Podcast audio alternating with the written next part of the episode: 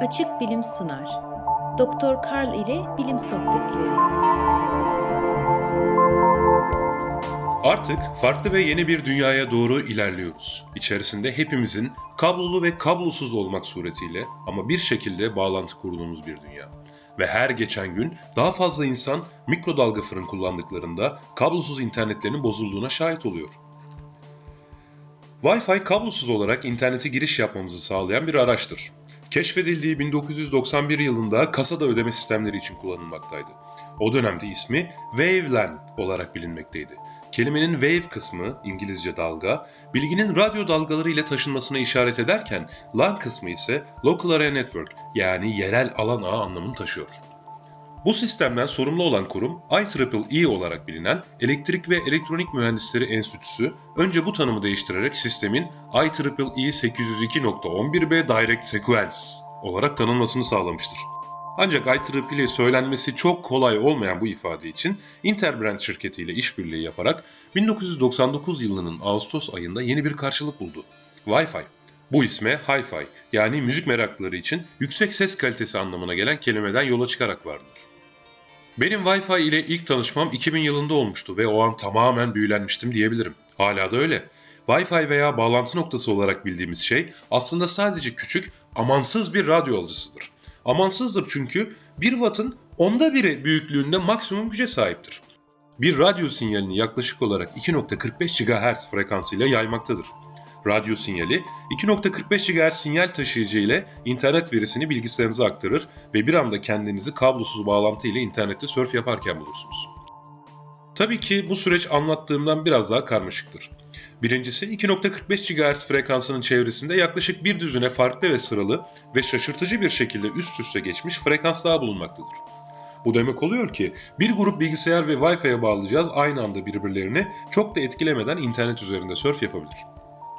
İkinci olarak ise bazı Wi-Fi cihazları ve bilgisayarlar bu yoğunluktan kaçmak için birbirleriyle yaklaşık 5 GHz değerinde olan farklı bir frekanstan iletişim kurabiliyor. Ama bu frekanslar mikrodalga fırının yaydığı sinyallerden etkilenmiyor.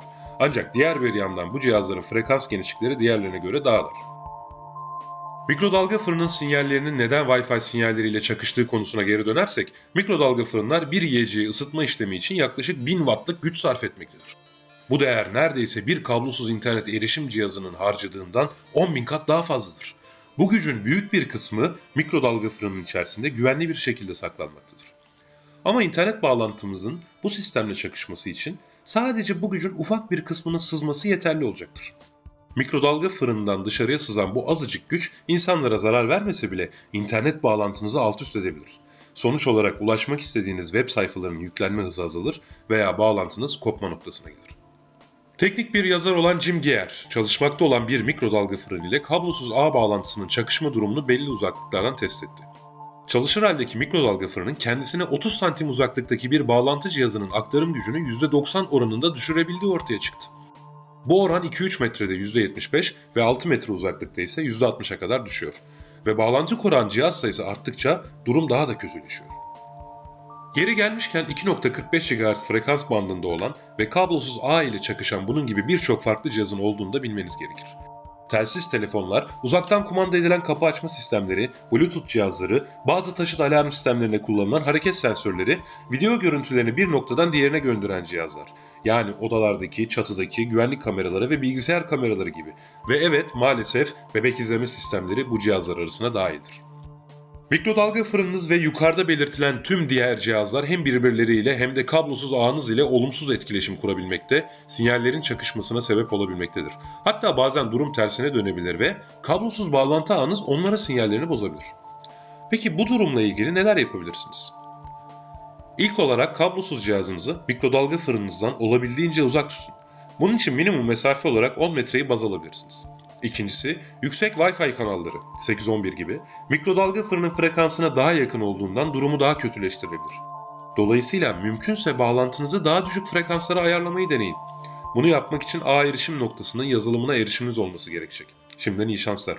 Ayrıca mikrodalga fırınınızın hangi frekansta çalıştığını öğrenmek için cihazınızın arka kısmında yer alan etiketten bu bilgiye ulaşabilirsiniz. Bu önlemlerin hiçbirisi işe yaramıyorsa benden size tavsiye. Her ne kadar zor da olsa akşam yemeğinizi ısıtırken Facebook sayfanızı güncellememeye çalışın. Çeviren Hande Odabaşıoğlu, seslendiren Tevfik Uyar. Açık bilim hakkında daha fazla bilgi edinmek, diğer yayınlarımıza ulaşmak ve dergimizle iletişim kurmak için www.açıkbilim.com adresini ziyaret edebilirsiniz.